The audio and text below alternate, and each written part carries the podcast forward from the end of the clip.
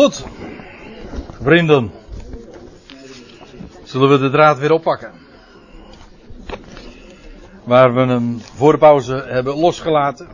En we waren in de brief aan Titus. Waar Paulus dus schreef over de genade gods die reddend is verschenen aan alle mensen. En die leer mogen we versieren in ons leven. En die leer die genade die voedt ons ook op. Dat was het laatste wat we voor de pauze zagen. En dan neem ik u nu mee naar 1 Timotheus 1. Weer zo'n brief die Paulus aan één iemand heeft geschreven. In dit geval dus Timotheus. En dan neem ik u mee naar het dertiende vers. En dat is inderdaad midden in een zin. Laat ik eventjes het gedeelte opslaan in mijn Bijbeltje. Ik breng dank aan Hem, zegt hij dan in vers 12, die mij kracht gegeven heeft, Christus Jezus onze Heer, die mij, dat Hij mij trouw geacht heeft, daar Hij in mij, pardon, daar Hij mij in de bediening gesteld heeft. En nou komt het, vers 13, hoewel ik uh, vroeger een godslasteraar, hier staat het woordje blasfemie eigenlijk, ons woordje blasfemie, een, eigenlijk is dat niet zozeer een godslasteraar, maar een lasteraar was. In, de, in strikte zin was hij geen godslasteraar, hij was een lasteraar van de. Hij vervolgde de gemeente Gods, hij was een lasteraar ook van de naam van Jezus. Een lasteraar dus. En een vervolger. En een geweldenaar. Een belediger. Maar uh, geweldenaar, dat klopt natuurlijk uh, op zich ook uh, heel erg goed. Want Ik wou zeggen, geweldig was die, maar dat bedoel ik niet. Uh, gewelddadig was die, ja. Een terrorist. Een religieuze terrorist. Zoals we er vandaag uh, ook vele kennen. En in die sfeer was Paulus ook inderdaad bezig. Hij was een lasteraar, een vervolger en een belediger, staat er. Maar, zegt hij, mij is ontferming bewezen omdat ik het in mijn onwetendheid, of letterlijk onwetend zijnde, uh, gedaan heb. Dat wordt vaak opgevat als een, uh, alsof Paulus dus niet opzettelijk heeft gedaan. Paulus, dan, dan zou de gedachte zijn, ja, Paulus uh, heeft het in onwetendheid gedaan, dat wil zeggen niet opzettelijk. En dus komt dat ook in mindering van zijn van zijn straf, of uh, hoe zeg je dat? Hè? Ja, is. Sorry? Ja, min of meer ja. Dus uh, hij heeft het niet, hij heeft het niet uh, opzettelijk gedaan. Dus, uh, dus die zonde was niet zo heel groot. Maar dat is uitdrukkelijk niet de strekking. Dat, dat zullen we vanzelf nog wel zien, want later zegt, een paar versen later zegt hij, ik heb dat vers ook nog een, daar een diaatje van. Dan zegt hij dat hij, dat hij onder de zondaren de eerste is. Dus je kan niet zeggen van nou, uit die zonde die hij deed, hij was een zondaar, maar niet zo'n hele grote, omdat hij het niet opzettelijk, maar onwetend was. Nee, dat is de strekking niet. Hij zegt, mij is ontferming bewezen, omdat ik het in mijn onwetendheid deed, onwetend zijnde, maar waarvan was hij onwetend? Nou, het antwoord lezen we eigenlijk in het volgende vers, namelijk, hij was onwetend aangaande Gods genade. En God bewees hem ontferming. En waar, ho, hoezo? Wel omdat hij onbekend was met Gods genade en dat wilde God hem bewijzen. En ook laten zien. Mij is ontferming bewezen omdat ik het onwetend zijnde uit ongeloof, dus zonder geloof, hij, hij, uh, betekent hier in dit geval niet zozeer dat hij het niet geloofde, maar dat hij uh, geen geloof had. In, daarin zo was hij bezig. Hij was dus inderdaad onwetend. Een, hier staat trouwens ons woordje, eh, dat kennen we ook nog, agnost. Hij was onbekend met. Onbekend met wat? Wel Gods genade. En waar het aan ontbreekt is, uh, waar het Paulus aan ontbrak, en dat geldt trouwens in het algemeen, en het kennen van hem. We zingen in een lied ook, Volgens mij wordt het in EA ook gezongen. Um, to know him is to love him. Is niet? Oh, is dat niet dat lied van de, over, de, over de, die vonk is al genoeg uh, voor, van Gods liefde? Nou ja, hoe dan ook. Uh, maar de, de, waarheid is in ieder geval waar. Hè? hem te kennen, dat betekent ook werkelijk hem lief te hebben. Hij was onwetend van Gods genade. Hij kende de wet, dat wel. En nog veel meer. Hij was een ijveraar, maar hij was onwetend van Gods genade. En dan zegt hij, vers 14, want waarom haal ik dit nu aan? Wel, omdat Paulus zichzelf ook voorstelt als een, als een prototype. Dus dat woord gebruik ik niet uh, zomaar, uh, maar daarover straks meer. En dan zegt hij, en zeer overvloedig is de genade van onze Heer geweest. Dat uh, staat hier trouwens niet zozeer, het staat niet als een, als een perfectum is geweest, maar ook hier weer die aorist zonder horizon, gewoon het feit wordt gesteld. Overweldigend is de genade. Hier staat een, een woord, dat betekent maar niet overvloedig. Het is een versterking. Kijk, iets kan vol zijn. Iets kan overvloeien, maar hoe kan het, eh, wat kan het nog meer zijn? Nou, het is dus nog meer dan overvloedig.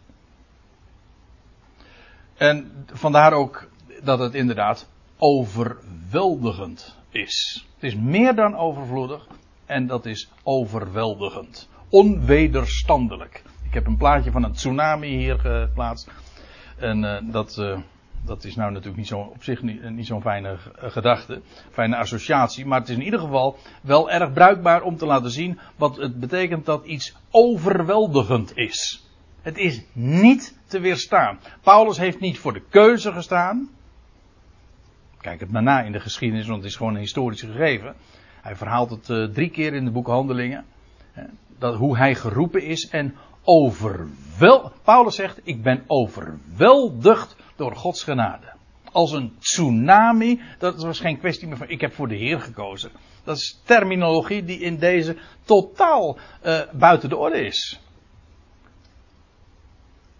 Hij werd, daar word je door, inderdaad door weggevaagd. Ik bedoel, je ego, daar blijft niks van over. Eén ding was zo onmiskenbaar. Was Gods genade. En als je, als je daarmee overweldigend wordt, overweldigd wordt. Ik bedoel, de genade zelf is zo groot. Zo alomvattend. Maar als, die, als een mens met die genade in aanraking komt. Over, nee, laat ik het anders zeggen. Als een mens overweldigd wordt door die genade, dan is het inderdaad, dan is er geen houden aan. Dan is geen kwestie meer van kiezen. Dan word je inderdaad. Dan word je geloof. Je wordt overtuigd. Je ontvangt geloof. Oh ja, het is geweldig. En, en ik, ik heb expres dat woordje onwederstandelijk gebruikt, omdat het een oud Nederlands begrip is. Maar uh, in de in de beleidenisgeschriften van de reformatorische kerken wordt dat ook wel gebezigd, als ik me niet vergis, over de onwederstandelijke genade gods. En als, mij, en als mij vraagt, is die term waarschijnlijk ontleend ook aan, dit, aan deze passage. Overweldigend is de genade van onze Heer. We hebben al gezien, die genade is. Oh, daar, daar valt niks aan te verdienen. Dat is juist wat genade is. We hebben gezien, het is universeel. Alles en allenomvattend. En hier zien we ook, het is overweldigend. Dus als je Paulus de vraag stelt, ja, ik ben e- ik, uh, aan mij is de, de bediening gegeven van het evangelie, het goede bericht van de genade gods. Ja, maar Paulus, wat bedoel je met die genade van God? Nou, dan, dan sprokkel maar zo door de brieven. Dan kom je heel wat aan de weten hoor. En dan zie je bijvoorbeeld dit. Die genade van God is ja, we lezen inderdaad in de Efezebrief ook dat die is overvloeiend, de overvloeiende genade Gods. En hier zegt hij het nog sterker. Overweldigend. Geweldig, ja, met recht een geweldige term. Overweldigend is de genade van onze Heer. Met de genade, pardon, met, uh, sorry, met het geloof, met geloof en liefde, die is in Christus Jezus. Die genade die wordt hier wat, nog wat meer gepreciseerd. Dat wil zeggen, uh, hij heeft het over het, het, het geloof dat hij kreeg. Kreeg, hè? Overweldigende genade, wat kreeg hij daarmee? Wel geloof en liefde. Hij werd overtuigd.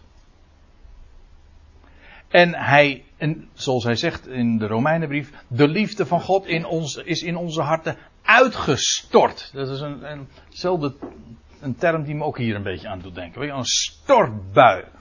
Uitgestort, overweldigd. Als een tsunami is het in zijn leven gekomen. Geloof kreeg je. Liefde. Namelijk die is in Christus Jezus. Want daarin is het allemaal verankerd. Dat is degene die hem zo midden op de dag verscheen. Levende lijven, oog in oog. Oogverblindend. En dat bedoel ik ook letterlijk. En dan zegt hij erbij, want dit is de inleiding tot een, tot een statement. En dan zegt hij, dit is een getrouw woord, of betrouwbaar is het woord. En alle aanneming waardig. Aanneming, dat wil zeggen, wel, verwelkoming.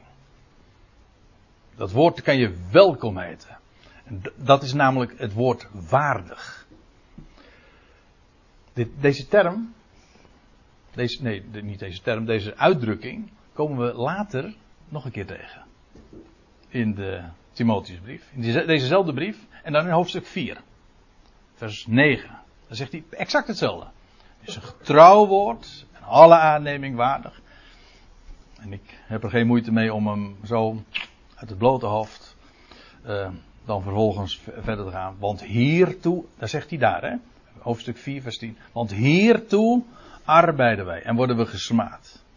Omdat we onze hoop hebben gevestigd op de levende God, die een redder is van alle mensen. Beveel en leer dit. Hier, maar dat is een hoofdstuk of wat later. Hier zegt hij dit. Het is een betrouwbaar woord, alle verwelkoming waardig. En wat is dat dan wel? Wel dat Christus Jezus, heb je hem weer?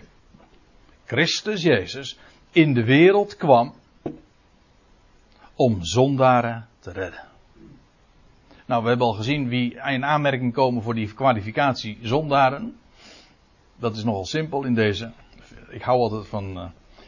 Ja, ik ben een simpel mens. Ik hou van, van simpele dingen waar geen uitzonderingen zijn. Gewoon universeel. Evangelie is simpel. Alle mensen zijn zondaren. En alle worden om niet gerechtvaardigd. En hier zeg je, hier staat dat Christus Jezus in de wereld kwam om zondaren te redden. Daarom kwam hij. En wie zijn dat? Dat zijn alle mensen.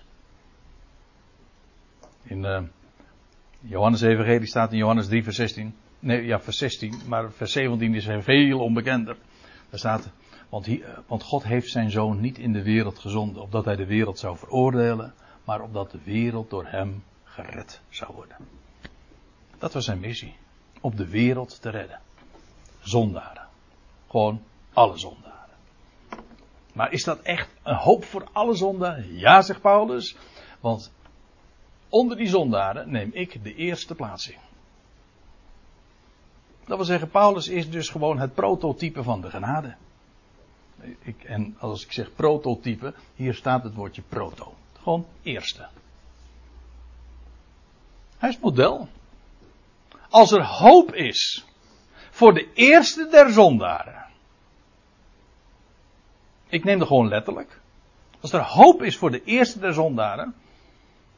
Dan moet dat wel betekenen. Dan is er hoop voor alle zondaren. Want hij is overweldigd. Niet omdat hij het verdiende, want daar is. Want hij zegt van. Ik, ik ben juist de eerste der zondaren. Hij verdient, er is, geen sprake van, van verdienen. Nee, het is overweldigende genade. En dat betekent dus het is een gunst. De gedachte aan verdiensten is juist totaal wezensvreemd daaraan. De eerste der zondaren. Wel, als dat zo is, dan is er hoop voor alle zondaren. En vandaar ook inderdaad. Het, het is een betrouwbaar woord en alle aanneming waardig. Dat God een redder is van alle mensen. Zo logisch als wat. Je moet er een theoloog voor zijn om het niet te begrijpen. Ja, echt. Hè? Ja, precies, ja. Die houden we erin, hè. Ja, maar het is zo, het is zo simpel. Het is zo overweldigend. Zo groots. En hoe is het gelukt om de genade van God, het evangelie van de genade van de God te verdraaien? Dat is afschuwelijk. Zodat de wereld, als je nu in de wereld spreekt, hè, in, ik bedoel, we leven in een postchristelijke natie inmiddels een beetje. De meeste mensen weten nauwelijks nog wat bijvoorbeeld eh, christelijke feestdagen inhouden en wat het betekent. Dat is geen beschuldiging, dat is gewoon een vaststelling. Mensen weten echt niet meer waar het over gaat. Maar als je ze uh, spreekt over genade, ze weten het echt niet. En ze zijn er ook doof voor geworden, omdat de term zelf uitgehold is. En wat altijd van de kansel gepredikt is en wat uh, op, via folders in de, in de handen van mensen gedrukt wordt op een drukke winkelstraat, in een drukke winkelstraat. Uh, en dan heet dat genade. Die termen komen allemaal voorbij. Maar, het, vorige week kreeg ik nog zo'n foldertje in handen. Ook weer. En het is zo'n afschuwelijke vertekening van het evangelie. En het zijn dan gedreven mensen die dat dan doen, daar heb ik het niet over. Fanatiek zijn ze wel. Dat was Paulus ook, dus dat zegt helemaal niks. De vraag is, breng je inderdaad een goed bericht? En wat is een goede bericht? Nou, van Gods genade. Die overweldigend is, die voor iedereen is. En alle mensen geldt. En, nou, er is hoop voor, de, hoop voor de eerste der zondaren. En dus is er hoop voor alle zondaren. Dat is geen menselijke conclusie. Het is gewoon dat zwart op wit in, in de schrift eh, staat. En Paulus betuigt dat. En ik vind het geweldig. En mensen, doe daar niks van af. Want juist de kracht is juist gelegen in het pure. Op het moment dat je water bij de wijn doet, hm, dan is het de kracht, dan is, dan is de wijn limonade geworden. En dat is wat er algemeen geserveerd wordt. Maar het is krachteloos. De kracht zit hem juist in het feit dat het puur is. Genade. Ja. Nou ja, we hebben het over kolossale dingen, dus we gaan meteen maar even naar de Kolossenbrief. Kolosse 1. En uh, dat is uh, wel een aardige ook in dit verband, uh, want dat bewijst inderdaad dat Paulus met het evangelie de genade gods bedoelt. Lees maar met me mee. Dan zegt hij, ik val weer midden in een zin. Dat doe je bij Paulus trouwens gauw, want hij Uh, die zinnen van Paulus zijn nogal lang vaak. Uh, het evangelie, het goede bericht dat tot u gekomen is, dat eigenlijk staat er dat aanwezig is, dat present is onder jullie. Het, het goede bericht dat present is onder jullie, hij zegt immers in de hele wereld draagt het vrucht en was het op, dat wil zeggen het klinkt overal. Uh, nou ja, sporadisch, maar in ieder geval, het is niet aan plaatsen gebonden. Immers in de hele wereld draagt het vrucht. Is vruchtdragend. Het groeit op. Uh, zoals ook bij u, zegt hij, zoals ook bij u, dat wil zeggen jullie, bij jullie, vanaf de dag dat jullie het gehoord hebben. Gods genade is een krachtige boodschap, maar het is ook een levende boodschap. Voor een ieder die het gelooft. En wat ze geloven, dat is gewoon amen zeggen. Niet, niet voor iemand die er iets voor doet, maar voor iemand die er iets, die het gelooft. En het is, zo, jullie hebben het gehoord. Er werd niks gevraagd, want het is een boodschap van genade. En dan terug, en het is een levende boodschap. En het kenmerk van leven is dat het groeit en dat het bloeit en dat het vrucht draagt. Nou, dat is precies wat het bij hen ook deed. En het gaat maar om één ding, en dat is, klinkt er genade? Als er genade klinkt, als er echt gunst klinkt, puur om niet, de genade van God, dan is dat de uitwerking. Kan niet missen. Niet omdat dat moet, maar omdat het niet anders kan. Dat is nogal mooi. Dat is allemaal gratis, voor niks. Zoals ook bij u vanaf de dag jullie het hoorden en de genade Gods in waarheid hebt leren kennen. En hier zie je dus inderdaad dat het evangelie was onder hen present. En wat hadden ze dan gehoord? Wel, de genade gods. Met andere woorden, het evangelie, dat is de genade gods. En dan zijn we toch weer helemaal terug bij af. Want uh, bij die term, ik zei al, de uitdrukking mag dan strikt genomen maar één keer voorkomen. Maar hier zie je dus gewoon zwart op wit dat het evangelie, het goede bericht, inderdaad niets anders is dan de boodschap van de genade gods. Dat hadden ze vernomen. In waarheid. Let op. De genade Gods in waarheid. Er bestaat namelijk ook nog zoiets als een leugenachtigheid. En u weet, nou, ik heb het nou eigenlijk al diverse keren zo gezegd. Er bestaat ook heel veel uh, genade. Maar dat is nep, schijn. Er is een hele brief die daarover gaat. Dat Paulus uh, verontwaardigd meteen in, met de deur min of meer in huis valt in Galaten 1. Ik verbaas mij erover dat gij u zo schierlijk, zegt hij dan, van de genade van Christus laat afbrengen tot een evangelie dat geen evangelie is. Galaten 1 vers 6. Kijk, dat is dus dat is genade in schijn. Nep. Dus onecht. Dat is een, een beetje genade. Maar dat is dus onzin, want het is geen genade. Paulus is er ook heel zwart-wit in. Een tussenweg bestaat niet. Laat het je nooit aanleunen of maak het je, laat het je niet wijsmaken. De genade Gods in waarheid. Maar dat wil dus zeggen allen. Overweldigend. Iedereen. Niemand uitgezonderd. En dat hadden ze leren kennen. Dat is trouwens mooi.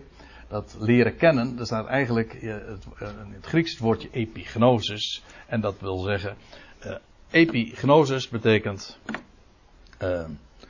op kennis. Epi is op kennis. Dus je kunt iets kennen.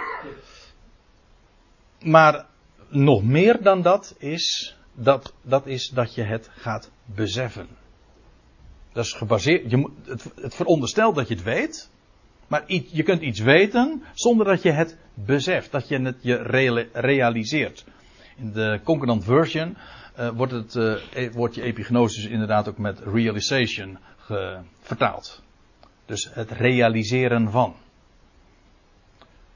En wij zeggen dan in het Nederlands meestal uh, beseffen of inderdaad realiseren. Dat betekent dus, het is gebaseerd op kennen, maar het is meer dan dat. Epignosis is besef hebben van Gods genade. Dat is wat een gelovig is. Je beaamt het. Je gaat beseffen wat de genade Gods in waarheid is.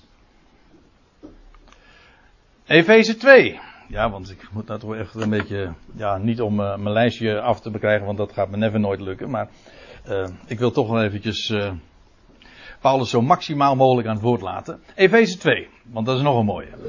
Hele mooie, want daar is Paulus ook zo verschrikkelijk duidelijk. Daar hou ik van. En ik hoop van u ook. Want, zegt hij daar, Efeze 2. Hij gaat hier motiveren wat hij in het voorgaande gezegd heeft. Maar laten we ons even beperken tot deze statement. Want door genade, want eigenlijk staat hier uh, in genade.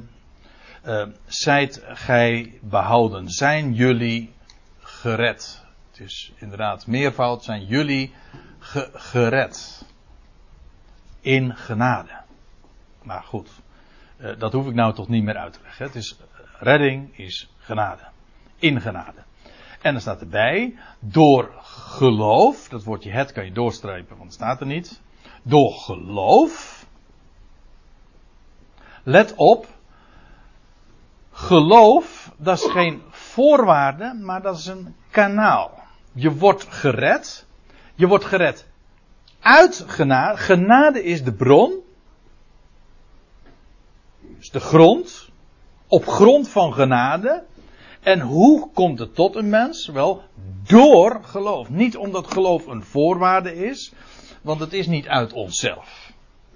Zou als het de voorwaarde was, dan zou het toch nog, dan zou het weer geen genade zijn. Maar hoe komt die genade tot een mens? Wel door geloof. Namelijk doordat je het beaamt. Lijkt me vrij logisch. Dat geldt voor uh, een bericht. Uh, dat komt tot je. Hoe komt dat bericht hier in je hart? Tot, hoe, kon je, hoe ga je het beseffen? Wel, door geloof. Als je niet beseft, als niet, of als je niet beaamt, ja, dan, dan, dan zal dat nooit zijn werk doen in je leven. Dus geloof is het kanaal waardoor dat uh, plaatsvindt. Maar het is geen voorwaarde, dat is heel logisch, want geloof is namelijk ook een geschenk. Door geloof, dat niet uit uzelf, dat niet uit uzelf, dat, uh, ja, dat is, wordt een beetje een technisch verhaal. Ik heb dat ooit uh, nog niet zo lang geleden in een blogje wat uiteengezet, maar in het Grieks staat dat. Het blijkt heel grammaticaal heel duidelijk dat dat uh, niet uit uzelf, dat slaat zowel op het behouden als op het geloof. Dat blijkt uit mannelijk, vrouwelijk en onzijdig, die wijze waarop hij die, die termen uh, gebruikt. Dat niet uit uzelf. Dat wil zeggen niks uit jezelf. De behoud niet, geloof evenmin. Het is niet uit jezelf. Het is een naderingsgave, een naderingsgeschenk van God. Nou, dat woordje naderingsgeschenk, dat laat ik even voor wat het is. Het gaat me nu even puur om. Hij is het die dat geeft. Het feit dat je mag zien, dat je overtuigd bent, dat is zijn werk. Ons geloof is zijn prestatie. En dus, en dat dat de gedachte is, dat betekent dus dat er geen enkele roem is. Niet voor je redding, maar evenmin voor het feit dat je het gelooft. En dat dat inderdaad de gedachte is, dat is precies wat Paulus in vers 9 dan zegt. Niet uitwerken. Het is geen verdienste. Je hebt er niks voor betaald. Je kon er niks voor doen. Het is allemaal genade. En waarom is dat? Opdat niemand roemen. Of, mocht er geroemd worden, dan is het in hem.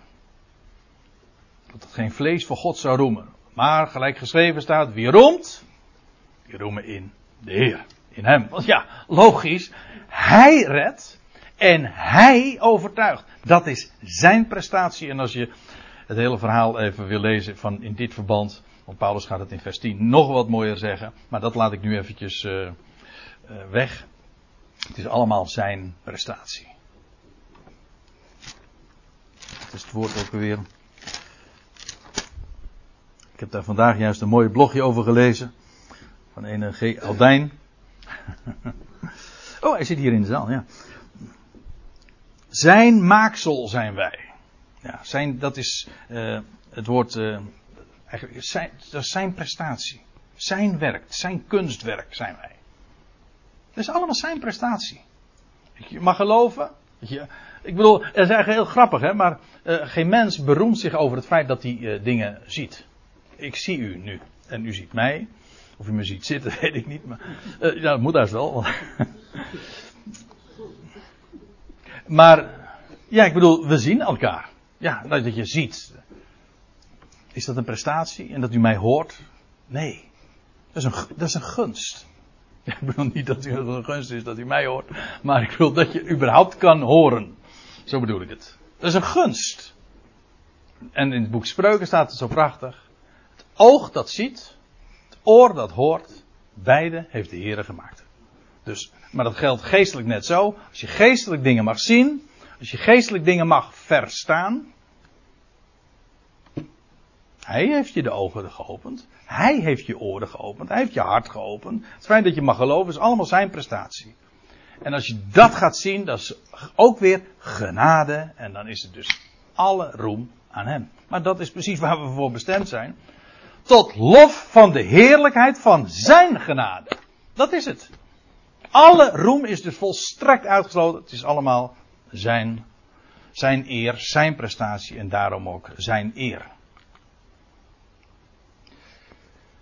Ja, en deze sla ik nu toch even over. Heel jammer, maar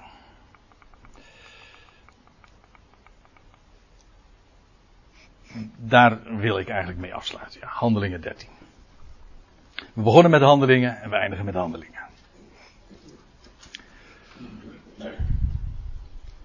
Als u zegt van, maar je hebt je broodrommeltje nog mee, toch meegenomen, je kan toch nog wel verder gaan, zeg ik ja, want ik heb zeker nog een stuk of twintig dia's hier, dus uh, dagen me niet uit hoor. maar ik wil, uh, het lijkt me wel een aardige om af te sluiten. Ik bedoel, we beginnen met genade, maar moet je dan niet verder komen? Nee, zegt Paulus. En dan gaan, komen we bij Handelingen 13.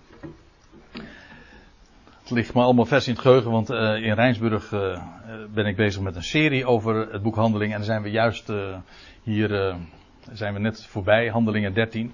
Dus toen heb ik er nog wat extra aandacht aan gevraagd en het trof mij toen ook.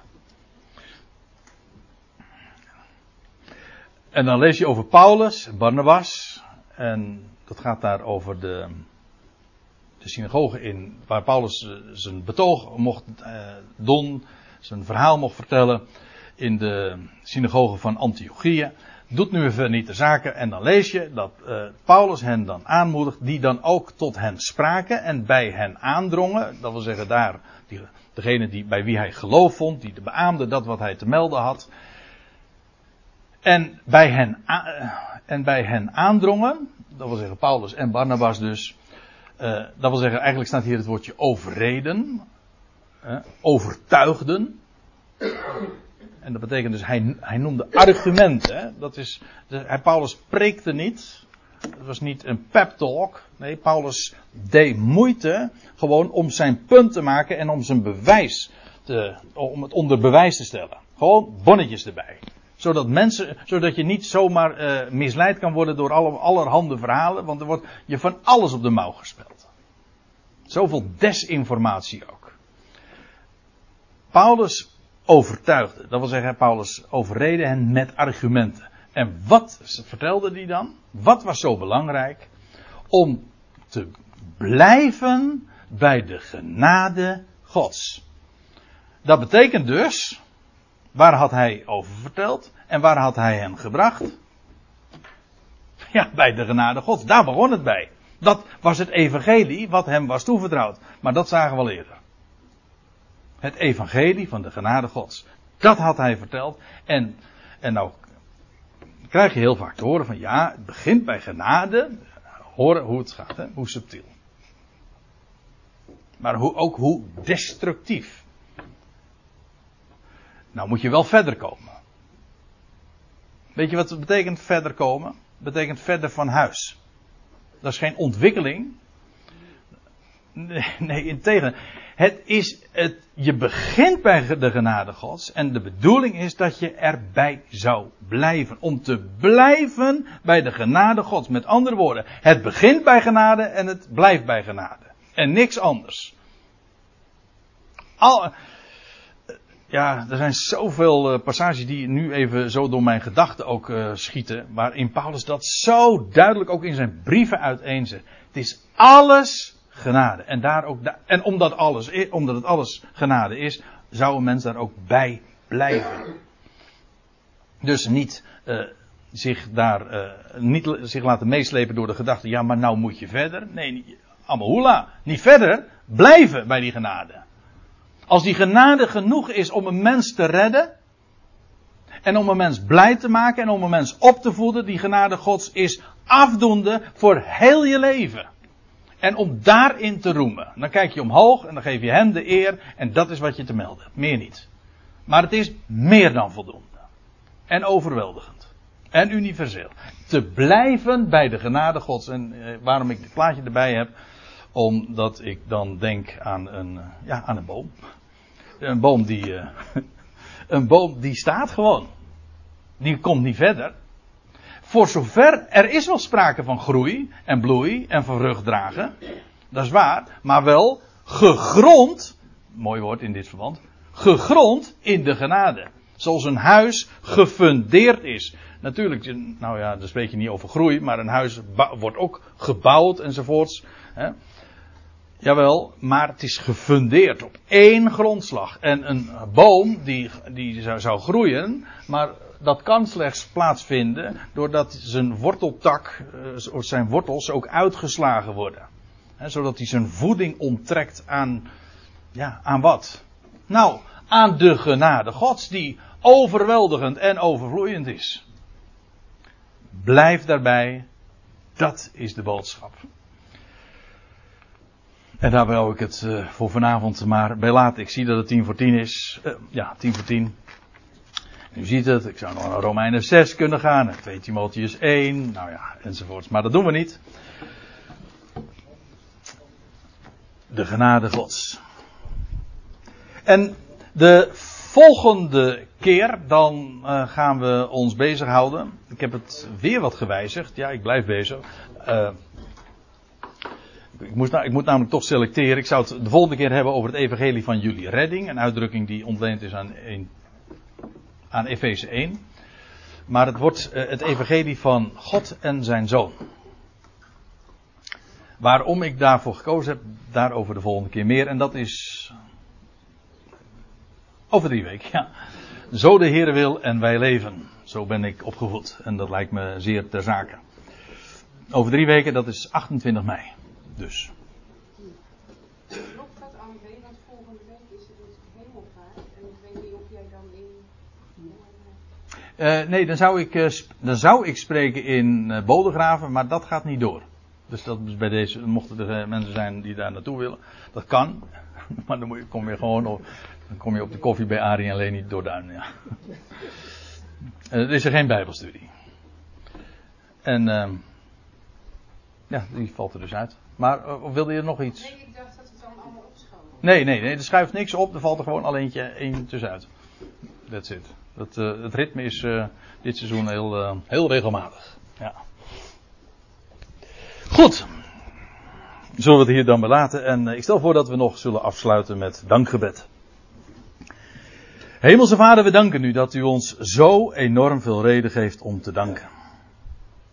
Als we ons bezig hebben gehouden met zo'n veelheid en een overvloed aan gunst die u geeft, puur om niet, en die ons zo blij maakt.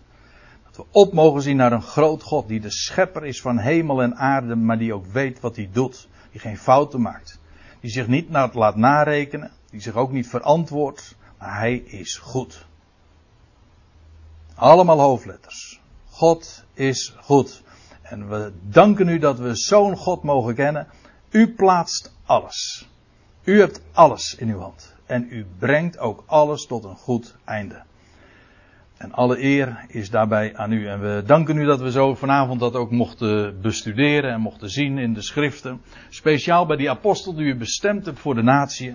De apostel Paulus. En we zijn zo enorm blij met wat hij heeft mogen bekendmaken. Wat hij van u hebt heeft geleerd. En we, het is zo'n rijkdom. We danken u dat we dat tot ons mogen nemen. Dat we het niet alleen maar mogen weten, maar ook, steeds meer mogen gaan beseffen. En dat we ook die rijkdom mogen uitdelen en mogen spreken aan ieder die het maar horen wil. Want onze God is groot. En goed en heerlijk. En het is een goed bericht. Het is een blijde tijding. En u hebt leven en rechtvaardiging bestemd voor heel het mensdom. We danken u, Vader, uit de grond van ons hart. Dat dat de waarheid is. Dat we zo daaruit mogen leven. En zo ook de leer van God, onze redder, mogen versieren in alles. In elk detail van ons bestaan. En dag in, dag uit. Tot lof en eer. En tot lof en van de heerlijkheid van uw genade. Amen.